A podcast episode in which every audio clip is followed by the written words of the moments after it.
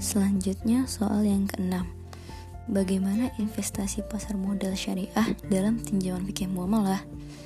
Pasar modal syariah merupakan pasar modal yang sesuai dengan syariat Islam atau dengan kata lain instrumen yang digunakan berdasarkan prinsip syariah dan mekanisme yang digunakan juga tidak bertentangan dengan prinsip syariah.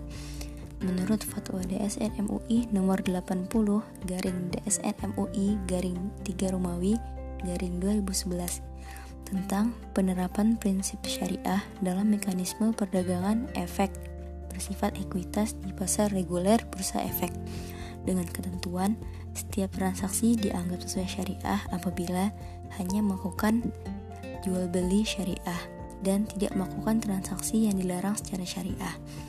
Investasi di pasar modal syariah tentu sangat luas dari jenis produk-produknya, sehingga transaksi dalam pasar modal diperbolehkan sepanjang tidak ada larangan menurut syariah. Sederhananya, kata syariah ini memiliki implikasi baik pada barang. Dalam hal ini, efeknya maupun cara atau transaksinya yang harus sesuai dengan prinsip syariah atau hukum Islam.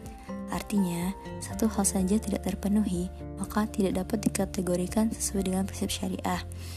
Adanya kebebasan membuat kontrak berdasarkan kesepakatan bersama dan kewajiban bersama dalam memenuhi akad-akad.